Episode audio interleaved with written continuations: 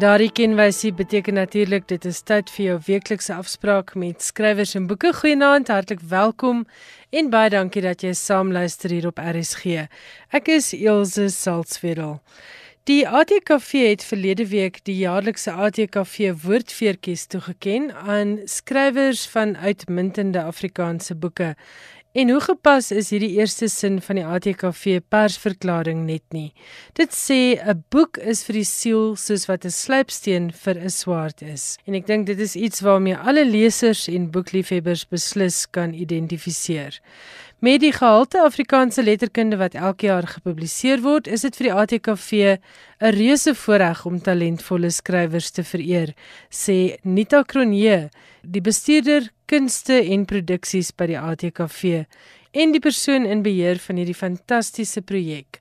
By vanjaar se ATKV woordfeertjies is daar onder meer vir die beste skrywers, digters en dramaturge 'n klop op die skouer gegee vir hulle enorme bydrae tot die letterkunde landskap.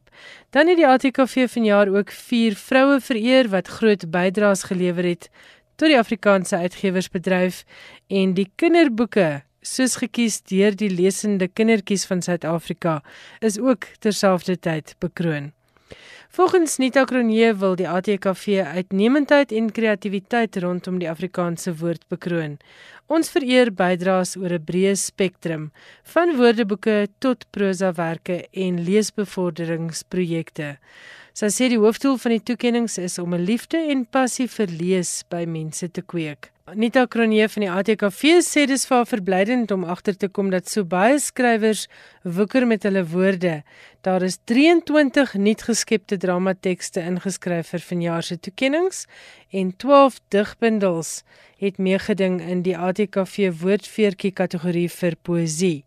Hier is dan die wenners van vanjaar se ATKV woordfeertjies wat verlede Vrydag aand by 'n spogfunksie in Stellenbosch toegeken is. Die ATKV Prosa Prys gaan vanjaar aan Etienne van Heerden vir Die wêreld van Charlie Oeng uitgegee deur Tafelberg. Die prys vir die beste liefdesroman is opgeraap deur Irma Joubert vir Mentjie kind van Pasopkamp uitgegee deur Lapa Uitgewers. Die ATKV woordfeertjie vir poësie gaan vanjaar aan Johan Meiburg my gewaardeerde kollega hier by Skrywers en Boeke vir sy uittogboek uitgegee deur Protea Boekhuis. Die prys vir romanses behoort aan Dina Botha met Alles is perfek. Dit word uitgegee deur Lapa onder die druknaam Romanza. En die ATKV woordfeertjie vir spanningslektuur behoort vanjaar aan Rudy van Rensburg vir Kamikaze uitgegee deur Kolerie. Die prys vir die beste dramateks gaan aan 5 dramaturge: Henk Heymans, Corneille Ber, Johan Smit, Sharin Swart en Bram van der Vyver vir hulle produksie Deurnis. En ek spreek dit nie verkeerd uit nie, dit is inderdaad Deurnis. Dit was ook vanjaar te sien by die Vrystaatse Kunstefees. Die prys vir nuwe fiksie behoort aan Elsa Joubert vir Spertyd uitgegee deur Tafelberg. Dan is daar ook 'n woordeboek en taalgids toekenning. Vanjaar se ATKV woordwys toekenning vir woordeboeke en taalgidse behoort aan die verklarende politieke woordeboek Explanatory Dictionary of Politics. Dit het verlede jaar by Utah verskyn. Die samestellers is Albert Venter, Susan Botha, Louis Du Plessis en Marietta Alberts. Die ATKV toekenning vir leesbevordering gaan vanjaar aan Pets as Therapy se Lees Okufunda Read program. 'n Bietjie meer daaroor later in finansie program. Die wenners van die ATKV kinderboektoekennings is ook by die ATKV woordfeertjies bekroon.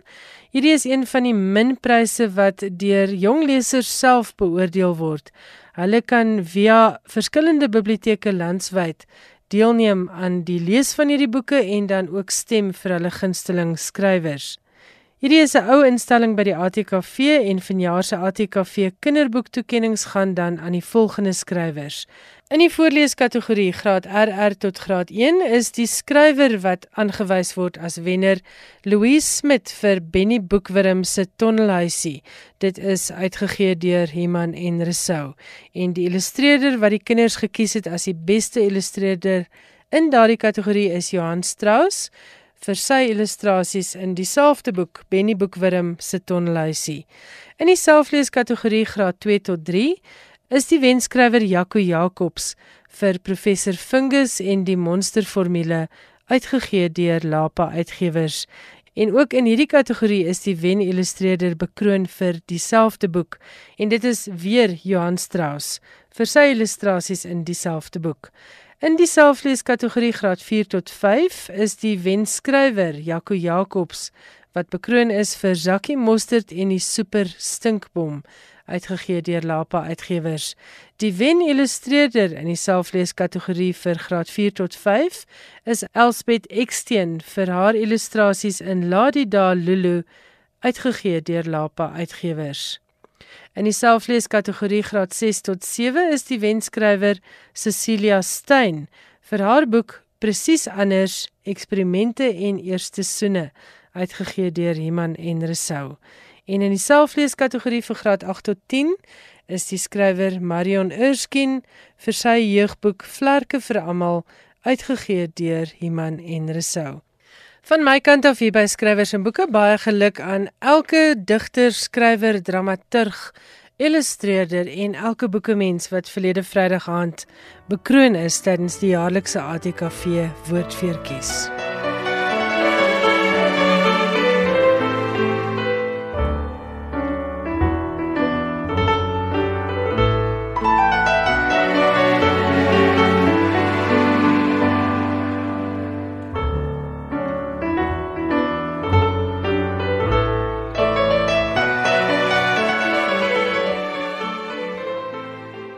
Die ATKV toekenning vir leesbevordering is, soos ek reeds gesê het, toegeken aan Pets as Therapy se Lees Ukufunda Read program. En as jy soos ek nuuskierig is om te hoor hoe help troeteldiere met 'n leesprojek, luister dan hier. Ek gaan gesels met Dr. Mariana Leroux. Sy is die stigter van die Lees Ukufunda Read program. Goeienaand Mariana, welkom by Skrywers en Boeke. Goeienaand aan almal.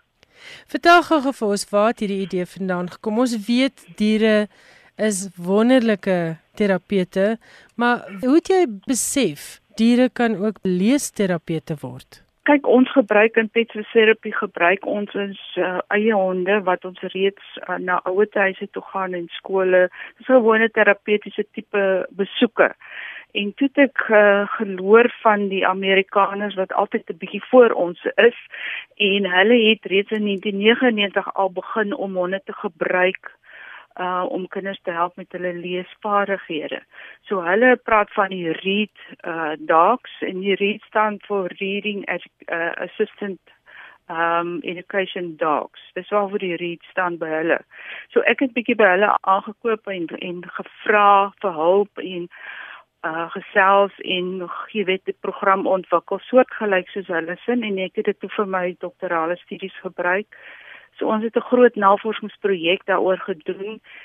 En na 10 weke het ons toe gevind dat ons groepie kinders wat vir die honde gelees het, se woordherkenning het verbeter as ook leesbegrip. Nou wil ek weet, jy sê nou julle het 10 weke lank het kinders vir julle honde gelees. Verduidelik vir luisteraars wat is die presiese konsep? Uh, dit is alles een op een uh, wat dit gedoen word. So elke vrywilliger het 3 kinders gekry ehm um, waar die wat vir hulle honde gelees het, maar dit is een kind op 'n slag en daar was ja, drie ander groepe, 'n kontrolegroep, daar was 'n groep kinders wat vir 'n volwasse persoon alleen gelees het, as ook vir 'n volwasse persoon met 'n met 'n teddybeer. So die kind kom in, hy sit op die grond saam met die vrywilliger met die hond op 'n kombers. Kind kies 'n boekie waaruit hy wil lees en die hond is nie daar. Die vrywilliger, ons is nie opgeleide onderwysers nie, so hulle hulle help net as hulle struikel oor 'n woord dan kan hulle die kind help dit uitspreek en ons sê dan byvoorbeeld vertel vir Juno wat jy nou net gelees het of sê vir Juno weer daai woord. So jy jy bring die hele tyd die hond in by die uh hele proses. So dit is nie jy weet die honde lag nie vir jou as jy verkeerd lees soos wat in die klas gebeur nie of die hond gaan nie raas soos wat die juffrou al dalk geraas het as jy verkeerd lees. So dit is 'n veilige omgewing waar die kind sy leesvaardighede oefen. Dit is basies waaroor dit gaan. So die hond is uiteindelik net die fasiliteerder om 'n kind te help om selfvertroue te ontwikkel met leeswerk. Is dit basies ja. die opsomming? Dis korrek ja. Die Amerikaners het ook gevind, jy weet, dat selfs kinders wat aan aan hulle leesprogramme deelneem, se kom ons sê kleredrag het verbeter. Hulle skoolbywoning het ook verbeter. Ek het selfs in my eie ondersoek het ek gevind dat die kinders wat vir die honde gelees het, meer gereeld skool toe gekom het. Jy weet, dit het in die hartjie van die winter gebeur waar die ander groepe kinders was was bevoorbeeld meer aanwesig.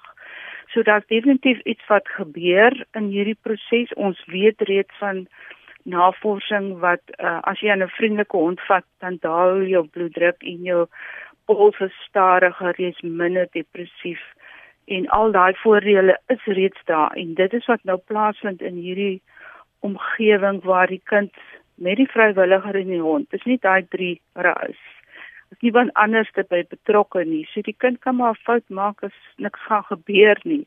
Maar die fokus is die hele tyd op op die hond. En die honde is baie oulik. Hulle kyk na die boekies en jy sê vir die kinders, wys vir hulle die prentjies wat in die boekies is en, en dan soms kry jy dat die hond net nogal regtig kyk na die na die prentjie in die boek, jy weet, so asof hy verstaan wat aangaan. Ek het geen twyfel dat hulle regtig verstaan nie. Ek is 'n groot hondeliefhebber, so ek glo daai hond verstaan.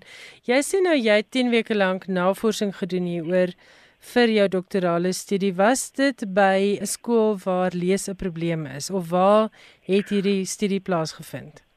Die studie het hier in Stellenbosch, 'n plaaslike laerskool in Stellenbosch omgewing en ja, daar is definitiewe leesagterstande. Ehm um, in die betrokke skool, ek het nou nie die syfers voor my nie, maar hulle was baie ver onder die die Weskaapse se lees uh, syfer. En dis 'n wêreldwye probleem. Toe ek nou die studie gedoen het, het ek wyd gelees en gesien dat feitelik elke land sukkel hulle maar met kinders wat uh sukkel om te lees. Selfs volwassenes sukkel om te lees. Jy weet so dit is 'n wêreldwye probleem. En daar's ook 'n verskil tussen lees en lees met begrip, né? Korrek, ja. En dit is hoekom ons ons vrywilligers leer dat hulle moet die hele tyd, jy weet, vra as vir alles daar 'n moeilike woord is. Jy weet, vertel vir Juno, dit is nog toevallig een van die honde. Ehm um, wat wat gebeur hier? Wat beteken die woord? Jy weet dat hulle self probeer op hulle manier vir die hond dit verduidelik. En as hulle nou volgende keer kom, uh eenmal 'n week het hulle gelees, dan vra jy, jy weet, okay, goed, waar was ons nou laas en dan wys die kinders vir jou waar jy was en dan okay, kom ons skryf vir Juno net weer dat Juno weet waar jy opgehou, tipe van ding. Goed. En natuurlik hang dit ook af van waar die kind is. Jy weet, sommige kinders vat dit langer om uit te kom dat hulle kan vertel wat die vorige week gebeur het as ander kinders. Jy weet, so dit verskil maar van kind tot kind. As jy nou pas ingeskakel het, ek gesels met dokter Mariana Leroux. Sy is die stigter van Pets as Therapy, die Lees Ukufunda Read program. Mariana, wanneer het jy besef hierdie is meer as net iets waarmee jy jou doktorsgraad se navorsing kan doen? Wanneer het jy besef hierdie is 'n program wat kan werk en hoe het jy dit buite toe geneem na die wêreld daar buite om 'n program te word wat gebruik word? Wel ek het dit al eintlik besef terwyl ons wees besig was met daai 10 weke. Jy weet kon en ek was elke dag was ek by die skool saam met die vrywilligers en in en uit beweeg in die verskillende lokale en ek kon die verandering uh op die kinders se gesigte sien en hoe hulle reageer teenoor die honde. So in die begin was baie skrikkerig en hulle is almal voorberei op honde wat kom. Jy weet, die honde is gekeerde honde en en maar jy kon sien daar's definitief iets aan die gebeur en omdat ek ook betrokke is by pet therapy in die algemeen het ek gesien wat gebeur as jy 'n hond in 'n ouer huis aanvat. Jy weet hoe reageer die jaardes daarop. Of hospitale hoe reageer siekes, né? Nee. Ja, ja, ja. So so diere en in ons werk nou spesifiek net met honde, maar soos ek sê in Amerika gebruik hulle verskillende diere um, om hierdie leesprogram aan te spreek. Um, so ek het daarna het ek vir Pat gesê, dis net sommer kort ons naam en gesê maar ons moet voortgaan hiermee en ons het begin werkswinkels aanbied vir vrywilligers wat sou belangstel en wat die geskikte honde het. En ons het toe geregistreer by die Amerikaners en ons is nou deel van hulle ons gebruik hulle materiaal um, ons het toegang tot alles en ons rapporteer ons resultate aan hulle en dis 'n groot organisasie wat hulle daar het en en uh, dis in verskeie lande al hierdie tipe van uh, leesondersteuning. In 'n neutedop, wat is die grootste voordeel van lees vir 'n dier eerder as vir 'n mens? Wat het julle prakties waargeneem? Wel, ek dink die grootste ding is is die stres wat betrokke is by kinders wat reeds sukkel. Jy weet so as jy as die juffrou sê in die klas jy moet uh, ons gaan nou lees en jy weet jy gaan in die ry af dan bou daai stresvlakke net eenvoudig op en wanneer dit jou beurt is dan struikel jy oor die woorde, jy kan dit nie uitspreek nie. So ten minste is word daai vrees uh en die stres word weggeneem as jy nou net vir 'n hond lees want die tannie gaan nie raas nie want sy is nie 'n juffrou nie en die hond gaan nie raas nie. Die hond is wat jy ook al doen is reg met die hond. So mm, dit is mm. dit is vir my die belangrikste ding daar. En ek dit kan in enige huishouding gedoen word. Ek meen as daar's oor die 9 miljoen honde in Suid-Afrika. So kan jy indink wat kan gebeur as ons al daai honde kan gebruik om kinders se lees te verbeter? Kan kan ons kinders baie beter vaar op skool ook? Maar wat jy met ander woorde sê is 'n luisteraar wat vanaand hier luister en wat 'n kleintjie het wat sukkel om te lees, volg hierdie metode. Laat jou kind dan eerder vir die hond lees of as jy nie 'n hond het nie, dink ek seker 'n teddy of 'n kat of so iets gaan sekerlik ook resultate lewer, maar dit help net om die kind te ontstres as dit ware rondom lees. Ja, nie alle honde is is is leeshonde nie, soos ek hulle noem nie. Party is nie te besig, maar eie terapie hond weet ek of sy 'n leeshond gaan word nie, maar ons hoop maar sy ouer is. Maar as daar 'n goeie verhouding tussen die kind en die hond is, ja. dan is jou kans beter dat dit dat dit kan gebeur want want daar is altyd 'n spesiale band tussen 'n kind en 'n hond begin speel daarmee dat die hond by jou kind lê en al lees jy as volwassene dan en dat die hond so gewoond raak aan die proses want dit is maar iets wat hulle ook moet aanleer vir daai 15 minute wat die kind gelees het in ons projek moes hulle stil lê. Jy weet ja. hulle kan nou opstaan en omdraai en gaap en baie keer raak jy onder aan die slaap. Mm. En dan dan moet jy baie vinnig op jou voete dink want die kinders sien dit raak. Nee, om tannie my luister nie meer. Dan moet jy nou maar sê nee maar die hond luister beter as hy oortoos of hy hou so baie van die storie dat hy raak jy weet hy hou so baie van die storie dat jy weet hy konsentreer nou baie hard jy weet so jy moet jy moet op jou voete kan dink met die kinders goed en uh, hoe groot is hierdie program nou in die Weskaap jy sê jy het dit in 2011 begin Uh ons is ja. nou by 2018. Waar trek julle in terme van syfers by hoeveel skole doen julle dit? Oh, joh, jy vra nou vir my 'n uh, verkeerde vraag. Ek het niks voor my nou op die oomblik nie. Ehm um, die ongeluk met hierdie tipe programme en as jy met diere werk is dat die honde raak ouer en honde gaan dood en vrywilligers tree af en jy weet daai tipe van ding. So op die oomblik is ons by twee uh, skole gereeld besig. Jy weet die ander is aan en af maar ek het nou in die eerste uh, semester het ek nou weer 'n klompie vrywilligers opgelei wat nou hulle wag nou vir hulle kom ons sê registrasiesertifikaat van Amerika af voordat hulle nou kan amptelik begin en dan sal ons nou die ding verder vat. Maar uh, dit is dit is my doel om om regtig die ding nou 'n bietjie verder uit te brei uh vorentoe. Wat beteken dit om 'n toekenning soos die ATKV toekenning vir leesbevordering te kry? Wat beteken dit vir 'n program soos hierdie? Dit was vir my 'n geweldige eer om dit te, uh, te gaan haal namens Petseserapie en dit ehm um, gee vir jou die erkenning vir dit wat jy doen. Ehm um, as uh, projekleier as as vrywilliger vir die organisasie self ook. Kyk ons is 'n nuwe winsgewende organisasie so ons moet al ons gelde self kry jy weet en en om kinderboekies te koop is is is nogal 'n duur storie so vir elke kind bevoet wanneer hy 'n reeks boeke deurgelees het kry hy een ook jy weet ons gee dit vir hulle en dan sit ons die hond se pootafdruk voor in die boekie want dit kom van die spesifieke hond af. Ja, ja. So daai tipe van goed uh, moet ons self aankoop. So vir ons die finansiële bydrae wat ons saam met die toekenning gekry het, gaan ons definitief help. Ehm um, opleiding is duur, jy weet mense moet reis en en uh, daar's materiaal wat moet af uitgedruk word. Daar's hulle kry almal 'n serie met ehm um, jy weet instruksies en allerlei voorbeelde van goed hoe hulle kan hulle self verbreek en uitbrei, ehm um, al daai goedes kos geld en en en dit is ten minste waarvoor ons uh, die geld gaan gebruik, maar ek dink die eer om die toekenning te kry, dit is vir ons almal baie belangrik. Hoe kan die publiek betrokke raak by Pets as Therapy se Lees Okufunda Read program? Kyk op die oomblik is die leesprogram hoofsaaklik in die Weskaap, maar daar is organisasie in Johannesburg uh Top Dogs. Hulle doen soortgelyke werk as ons wat ek weet ook in skole ingaan en kinders help met lees. Hulle werk meer in groepe waar ons als een op een doen. So die die uh publiek kan kan as hulle in Johannesburg en daai ander dele van Suid-Afrika is, ehm um, is ek seker van Top Dogs sal hulle kan help maar hulle kan vir my e-pos stuur. Uh, kan ek maar my e-pos ja, asseblief, asseblief. In mclr by sun.ac.za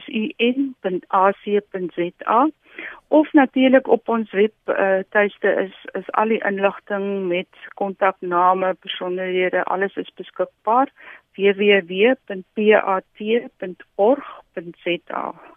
Goed. Ek het gesels met Dr Mariana Leroux. Sy is die stigter van Pets as Therapy, die Lees Okufunda Read program wat die afgelope week bekroon is as die ATKV se toekenning of met die ATKV se toekenning vir leesbevordering.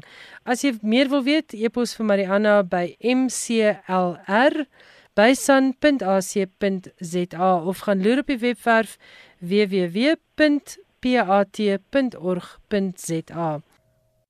Jy luister na skrywers en boeke op RSG. Ek gesels vanaand met Joe Nel, hy is die skrywer van die sielkundige thriller Die hond wat ophou blaf het. Goeienaand Joe, welkom by Skrywers en Boeke. Hallo Julia. Ek het baie lekker gelees aan jou boek, 'n uh, sielkundige thriller by uitstek. Jy het glad nie die gewone roete gegaan wat nou baie gewild is in Afrikaans, naamlik speurroman nie. Eerste dinge eerste, ek wil by jou weet, Hoe word 'n tandarts van beroep die skrywer van 'n sielkundige thriller? Ek was nie so gelukkig in my beroep gewees nie. Dit is seker redelik duidelik in die in die storie ook. En ek het altyd flankeer met die idee van 'n boek skryf en toe het ek net eendag tussen pasiënte wel die eerste bladsy van 'n boek geskryf. En saam met dit het ek 'n kursus gedoen deur die SA Writers College. En ja, dit het net van daar af gegaan. Ek het nie regtig baie baie beplan aan die boek nie. Dit het so vir my net gebeur. Jy sê jy was ongelukkig in jou beroep. Is jy nie meer 'n tandarts nie? Nee, ek ek is nog steeds ek werk um, in die staat en ek is eintlik baie gelukkig. Goed. maar daar was 'n paar daar was 'n paar dinge gebeur. Ek ek wou nog altyd iets 'n bietjie meer kreatiefs gedoen het. Goed, Isak is die hoofkarakter in jou boek Die hond wat ophou blaf ja. het.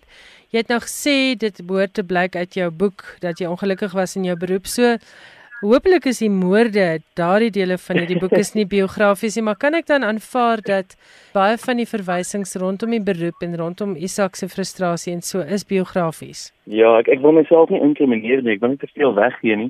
Maar um, ja, ek het goed uit my eie lewe uitgedeel, veral uit die omgewing uit. Ek ken Port Elizabeth baie goed. Ek hou baie van die Oos-Kaap. Ja, ek deel taamlik met die karakter, maar maar nie so baie nie. Van die goed het ek doelbewus anders gemaak dat ek nie te, te veel soos die karakter moet wees nie. Vertel vir ons 'n bietjie waar gaan dit en waar het jy aan die idee gekom om hierdie storielyn te vat? Ek het net die storie eintlik geplot van die begin af nie. Ek was by die werk en toe tussen twee pasiënte wat ek 'n bietjie gefrustreerd gewees en toe kry ek net die idee van 'n tandarts wat geweldig gefrustreerd is en en, en daardie storie begin. In kort gaan die storie oor goeie tandarts wat nie baie gelukkig is met sy lewe nie en dan begin hy goed te vergeet. Dan bereik die storie so van 'n draaipunt wanneer hy 'n dooie hond in sy bakkie vind en dan is daar die moontlikheid dat hy verbind kan wees met ander uh, misdade ook. So hy is dan op die einde seker of homself nie kan vertrou of nie. En ja, ek nie te veel weggee behalwe dit. Jy sien jou omgewing en dinge het jy as Isak se wegspringplek gebruik. Maar waar het jy jou inligting oor die sielkundige toestande wat hier ter sprake kom? Waar het jy daardie inligting nagegaan? Ja, ek moes 'n bietjie nagevors het daaroor. 'n Goeie vriend van my is wel besig om 'n psigiater te word, wat baie amper een. Maar dit is iets wat my nog altyd interessant was, die sielkunde agter dit. Ek nie in te veel detail ingegaan nie. Jy kan vinnig jouself vaspraat en foute maak, maar ja, die, die sielkunde van dit sou hooplik is redelik oortuigend. En soos ek sê, ek ek kan insien die ou se frustrasie kon ek insien, maar hopelik is die mediese toestande moontlik nie noodwendig heeltemal waarskynlik nie, maar moontlik. Daar's verskeie honde in hierdie roman. Die hond uh, skryf Gerda Taljaard in haar resensie op Litnet is 'n simbool vir die mens se gewelddadigheid en brutaliteit, maar dit word ook terselfdertyd 'n motief. Hoe dit gebeur dat jy honde deel gemaak het van hierdie roman? Wel, die, die hond het my ingesluit toe hy toevallig doodgemaak is. Maar ek, ek dink die storie gaan tot 'n groot mate oor net 'n ongelukkigheid wat baie mense het. amper soos iets wat krap en krap en net ver af blaf maar nooit wil weggaan nie. So dis seker die simbool daarvan, nie noodwendig net die brutaliteit en die aggressie van die mens nie, maar net 'n tipe ongelukkigheid, iets wat nie heeltemal lekker is nie. Ehm um, onder die oppervlak so half sluimer. Ek kan gehou van daai idee. Daai irritasie van 'n ja, hond wat staan en kef en kef en kef. Ja, op 'n aand as jy wil slaap en jy kan net nie lekker lekker stil te kry nie. As 'n hond wat ver af blaf en jy weet nie lekker waar hy is nie en hy wil net nie ophou nie. So dit is seker daai idee, ja. Jou hoofkarakter Isak, hy drink te veel. Hy het uh hierdie drome van iets meer wees. Toevallig skryf Isak en die ander uh baie snaakse karakter in die boek Dirk. Hulle skryf 'n liefdesroman want hulle wil hulle neem deel aan 'n kompetisie. Maar ja, Isak ja, is 'n jy voel sy onsekerheid ja. aan en jy voel sy frustrasie aan, maar wat my getref het van hom is hierdie geweldige onsekerheid, hierdie speletjies ja. wat met sy kop gespeel word wel daar word met sy kop ook gespeel. So jy moet eintlik uit die perspektief van die kyk dan die antagonis daarna kyk. Miskien is Isak ook 'n antagonis, maar jy kan nie net in Isak se skoene wees nie. Isak is 'n redelike patetiese karakter, so hy het my baie 'n bietjie frustreer en irriteer. Dit is my moeiliker omdat ek nog nie baie geskryf het nie om dit wel oortuigend te te skryf dat die leser dit hopelik ook so kan kan beleef. Ja, ek moet vir jou sê mense is nie seker watter van die dele van hierdie boek is drome en watter is werklike belewenis ja. nie. So daarmee het jy baie goed geslaag. Hoe was skryf toe nou uiteindelik vir jou? Was dit alles wat jy gedroom en gehoop het dit gaan wees of was dit moeiliker of was dit makliker? Dit is moeilik en dit is harde werk, maar ek hou regtig baie daarvan. Ek weet dit is moeilik om baie tyd te kry om te skryf, maar maar dit, ek sou graag wil doen. Ek ek hou regtig daarvan as my rol terapeuties op. Maar dit is moeilik. Dit is dit is moeilik om die die beelde wat jy in jou kop het so op die papier te sit en vir die leser dieselfde beelde te gee van jy het nou so klaar klomp inligting in jou kop wat hulle nie het nie. Dis seker maar die die moeilike deel van skryf of die basiese deel van skryf dat die leser dieselfde prentjie sien wat jy sien. En dit klink so eenvoudig, maar dit is eintlik nogal moeilik om dit te doen as jy dit eers doen. Is dit 'n droom wat jy al baie jare het? Het jy op skool geskryf? Nee, dit was nie regtig 'n definitiewe droom nie. Ek het nog altyd gehou van Afrikaans, dit was seker my beste vak op skool. My oupa het ook geskryf en dit het my nogal cool gelyk. Maar uh, nee, ek ek, ek dink ek was al amper nooit gedwonge het ek begin skryf toe gedink het jy ek is 'n bietjie gefrustreerd. Nie net met my werk nie maar ek wil iets anders doen. So 'n kragtigheid iets iets iets iets wat nie nog wil uiting gee. Maar um, ek geniet dit geweldig baie so ek verwag maar aanhou daarmee. Dit was my interessant dat jy 'n sielkundige thriller geskryf het. Daar's nie verskriklik baie daarvan in Afrikaans op die oomblik nie. Daar's vreeslik baie spanningsromans maar meeste van hulle is geskryf as speurromans of uh ja. romans oor polisieprosedure en lijkskouings en daardie aspek van ondersoekwerk. Joune is uit en uit 'n sielkundige thriller waar hierdie kopspeletjies ook met die leser gespeel word. Is dit iets wat jy graag lees of hoe dit gebeur dat jy juis in hierdie genre geskryf het? Ek, ek hou van sielkundige thrillers lees. Ek lees wat ek hou van van gewone speurromans lees ek ook. Maar dit is maar die storie wat na my toe gekom het. Dit dis eintlik snaaks die jy begin met die storie en on, dan ontwikkel dit. So ek het nie regtig 'n plot of beplan of 'n genre gekies of self die storie 'n uitlyn geskryf nie. Dis maar die storie wat aan my gekom het en wat vir my redelik natuurlik gevoel het. En dan skaaf en skaaf jy net maar daaraan, maar ek het nie regtig besluit eers op 'n genre nie. Was jy bietjie verras daaroor want ek dink as as die luisteraars nou hoor die storie het na jou toe gekom, dan dink hulle dalk dit klink baie eerie ferie, maar was jy verras deur die skryfproses en hoe dinge in ontwikkel, hoe 'n storie in jou kop een rigting inslaan, maar die storie wat uiteindelik op papier verskyn is iets heeltemal anders. Ja, dit is eintlik nogal opwindend dat enige iets kan gebeur elke dag, maar ja, dat ek dink daai hele idee van storie wat so romantiese prosesse is en mense skryf as hulle 'n paar glase lighou te Chardonnay gedrink het. Ek dink dit is maar oor die algemeen nonsens. Die meeste goeie skrywers sê maar dat hy moet gaan sit. So selfs selfs as jy die storie probeer neerskryf en dit na toe kom, is dit nog steeds 'n redelike doelbewuste proses van dink vir my. So dit is maar redelike harde werk. Maar ja, dan word jy baie aangenaam verras. Hoe goed die karakters ontwikkel. So jy die beplan dit nie altyd so noukeurig nie. En skryf jy nou aan iets? Gaan ons weer iets uit jou pen lees? Ja, ek hoop so wat ek is besig om te skryf en ek het al 'n hele paar bladsye. Ek wil seker 'n paar met uitvee weer, maar um, dit gaan heel goed. Ek ek wil graag nog skryf. Ja. In so gesels Joe Nell, skrywer van Die hond wat ophou blaf het, uitgegee deur Penguin Random House.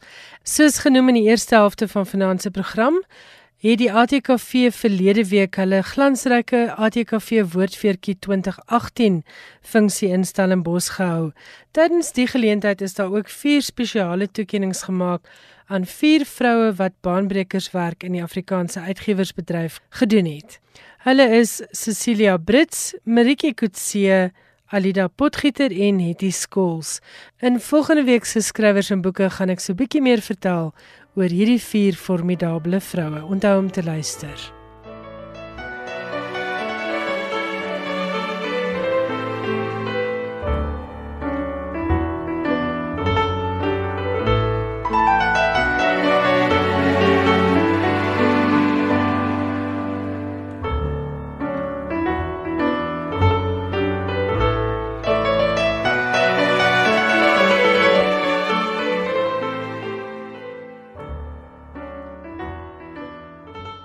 Gesels nou met François Lotter. Hy is die bestuurder daar by die Breitenberg Sentrum in Wellington.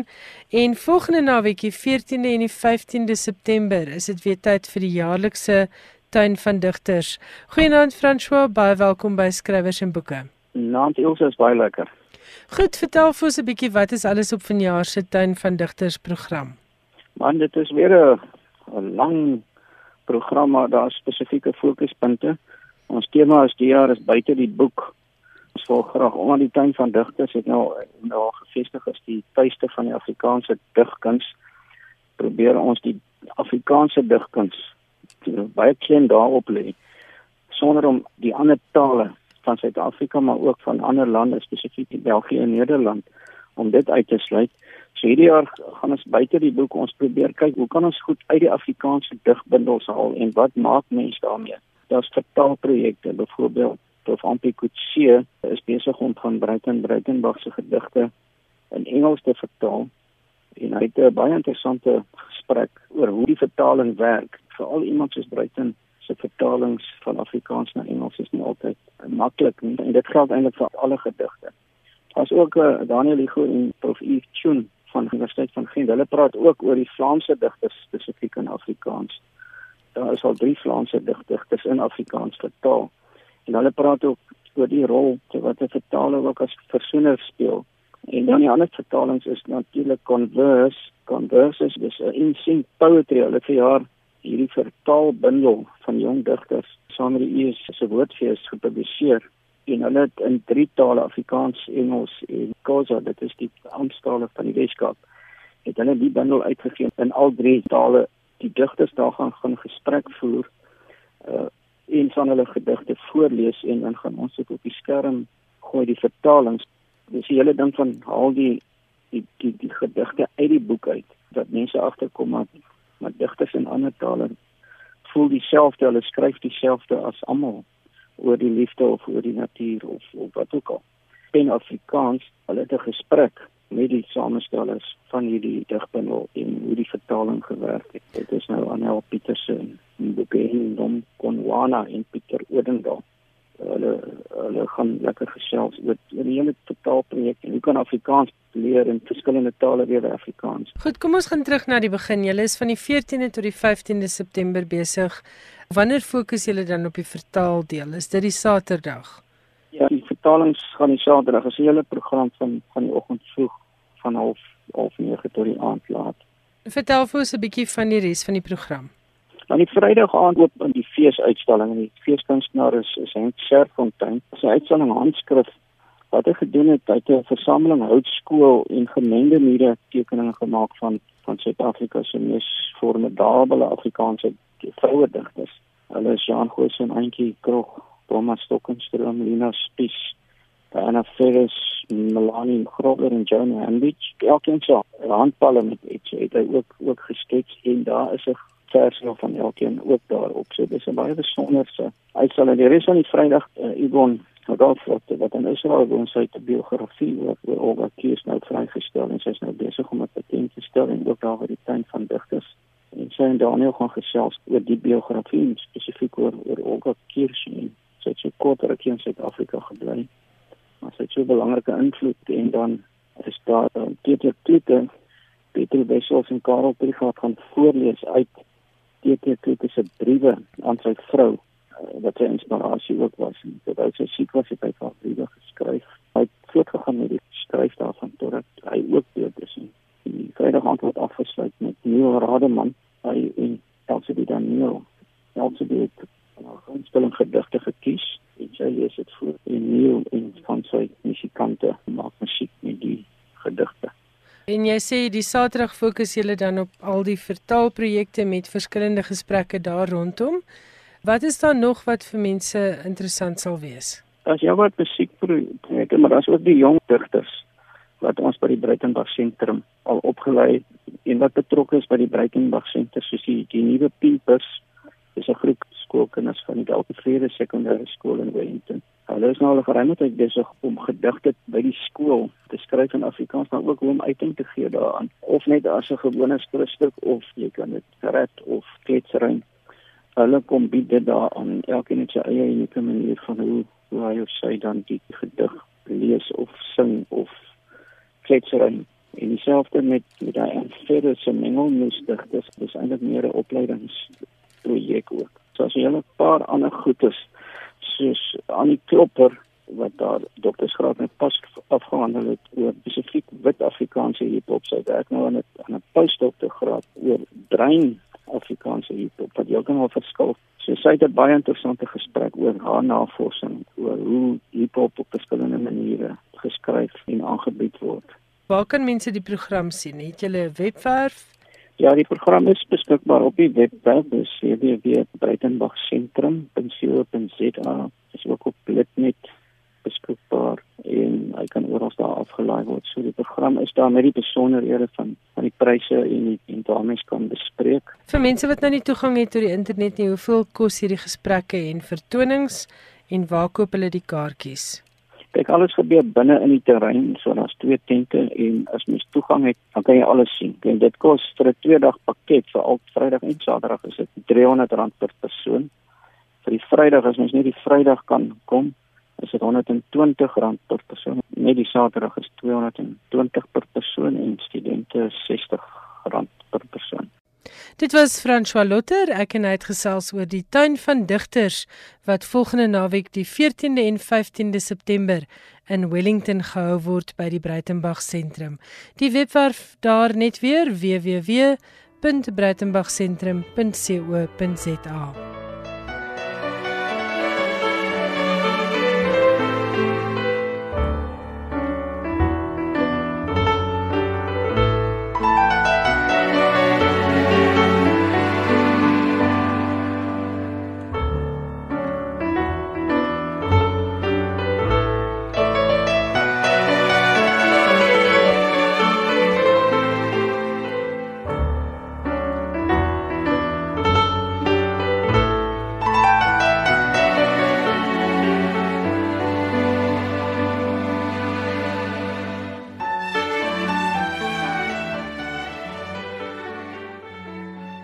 Nou is dit tyd vir Johan Meiburg. Hy is by my in die ateljee vir sy gereelde internasionale boek insetsel.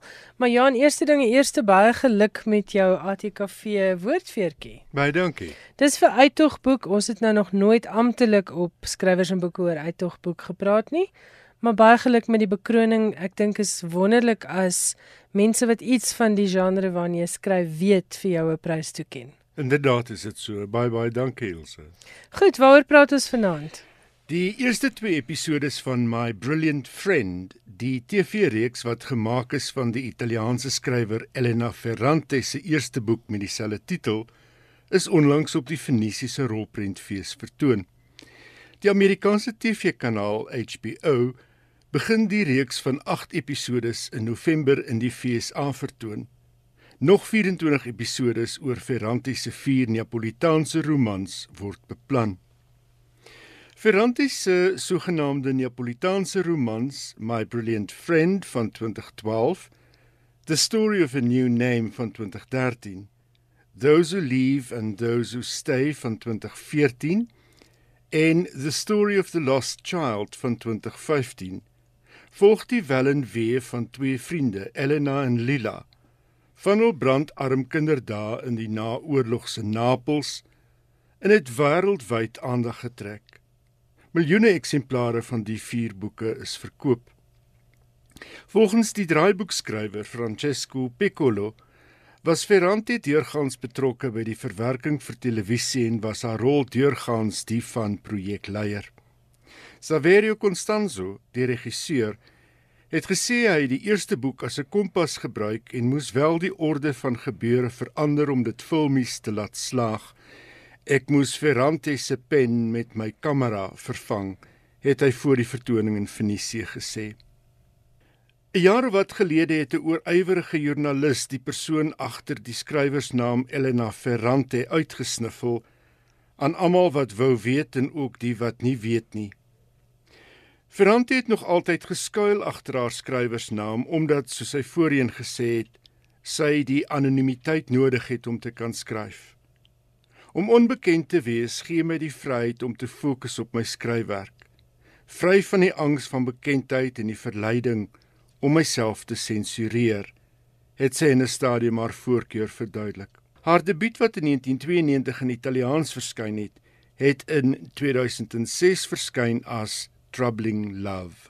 Ja, ek onthou Elmarie Rautenbach het verlede jaar hier op skrywers en boeke gesels oor My Brilliant Friend en sy was behoorlik gaande oor daardie Neapolitaanse romans. Ja, nie meer sleuring. Ek kan dink dit kan 'n gawe TV-reeks ook dan word. En die Nobelprys vir letterkunde bly in die nuus. Wat het jy hierdie ja, week vir ons? Ja, hierdie is dan nou die kortlys van vier skrywers wat vanjaar gaan meeding vir die alternatiewe Nobelprys vir letterkunde. Die kortlys is aangekondig deur die sogenaamde Nuwe Akademie nadat die Sweedse Akademie wat jaarliks die wenner van die prys aankondig, getuister word deur probleme nadat dit aan die lig gekom het dat een van die akademielede se man betrokke was by 'n skandaal en dit die geloofwaardigheid van die Sweedse Akademie dermate geskaad het. Die vier skrywers op hierdie lys is Haruki Murakami, Neil Gaiman, Marie Konde en Kim Tuyi. Die 69-jarige Japanse skrywer Haruki Murakami is meermale al genoem as 'n aanspraakmaker op die letterkundeprys. Die nuwe akademie het hom bestempel as een van die mees gevierde skrywers en vertalers wat popkultuur en 'n priemende magiese realisme in sy werk kombineer. Hy is bekend vir romans soos Norwegian Wood, The Wind-Up Bird Chronicle en Kafka on the Shore. Die 57-jarige Neil Gaiman, die Britse skrywer wie se werk strek van die grafiese roman Sandman tot die roman Stardust, American Gods, Caroline en The Graveyard Book het volgens The Guardian getweet: Hy hoef nie te wen om gelukkig te wees nie. Net om op die kortlys te wees is al klaar so groot erkenning, het hy gesê. Die 81-jarige Marie Konde 'n Franse skrywer wat in Guadeloupe gebore is, is 'n skrywer van historiese fiksie. Haar bekendste romans is Desirada van 1979 en Segu van 1987. Sy is emerita professor in Franse letterkunde aan die Columbia Universiteit. Volgens die nuwe akademie handel haar werk oor die manier waarop kolonialisme die wêreld verander het en hoe die mense wat daardeur geraak is hulle erfenis nou opeis. Die 49-jarige Kim Tui is 'n Vietnamees-Kanadese skrywer wie se verhale volgens die nuwe akademie nie net die kleure van Vietnam vergestalt nie, maar ook die aromas en die ontbering wat ballingskap meebring.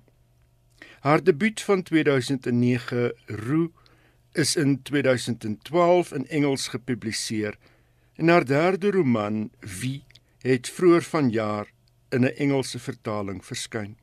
Die wenner van vanjaar se uitsonderlike Nobelprys vir letterkunde word volgende maand aangekondig, waarna die nuwe akademie dan sal ontbind. En dan het jy iets oor die Engelse skrywer Pat Barker. Ja, Engelse skrywer en Man Booker wenner Pat Barker het pas 'n nuwe roman uit. Die roman The Silence of the Girls is 'n hervertelling van die val van Troje maar dan spesifiek as 'n taksering van die uitbeelding van vroue in die verhaal. Barker het die Man Booker in 1995 gewen met The Ghost Road, die laaste boek in haar trilogie oor die Eerste Wêreldoorlog. Volgens Baker het mense selektiewe kennis oor die gebeure wat Homeros in sy Ilias beskryf. Daar's mense wat die hele Ilias gelees het, het sy gesê, maar dan is daar ook die wat kwaliek meer weet as die verhaal van Achilles en sy hiel. Ek vertel die verhaal wat soveel betekenis het vir die hedendaagse wêreld, het sy bygevoeg. Die Ilias is geskryf om en by 1200 voor ons huidige jaartelling en die hoofkarakters is Agamemnon en Achilles. Maar Baker se weergawe word grootliks vertel deur Briseis die meisie wat gewelddadig uit Troje gegryp word as Achilles se sogenaamde bruid. Ek het die karakter van Briseis ontwikkel anders as wat sy na vore kom in Homeros se epos, sê Baker. Ek sal myself nie 'n feminis noem nie, sê sy, want dan beteken dit net dat ek weer 'n ander evangelie verkondig. Ek sien fiksie as 'n verkenning wat oopkop moet wees. Jy moet die storielyn kan volg, selfs al beland dit jou op 'n plek wat nie strook met jou opvattinge nie. Dankie aan Meiburg, interessant soos altyd en ons gesels dan volgende Woensdag aand weer. Baie dankie. Dis dan alwaar vroeg vanaand tyd het inskrywers en boeke.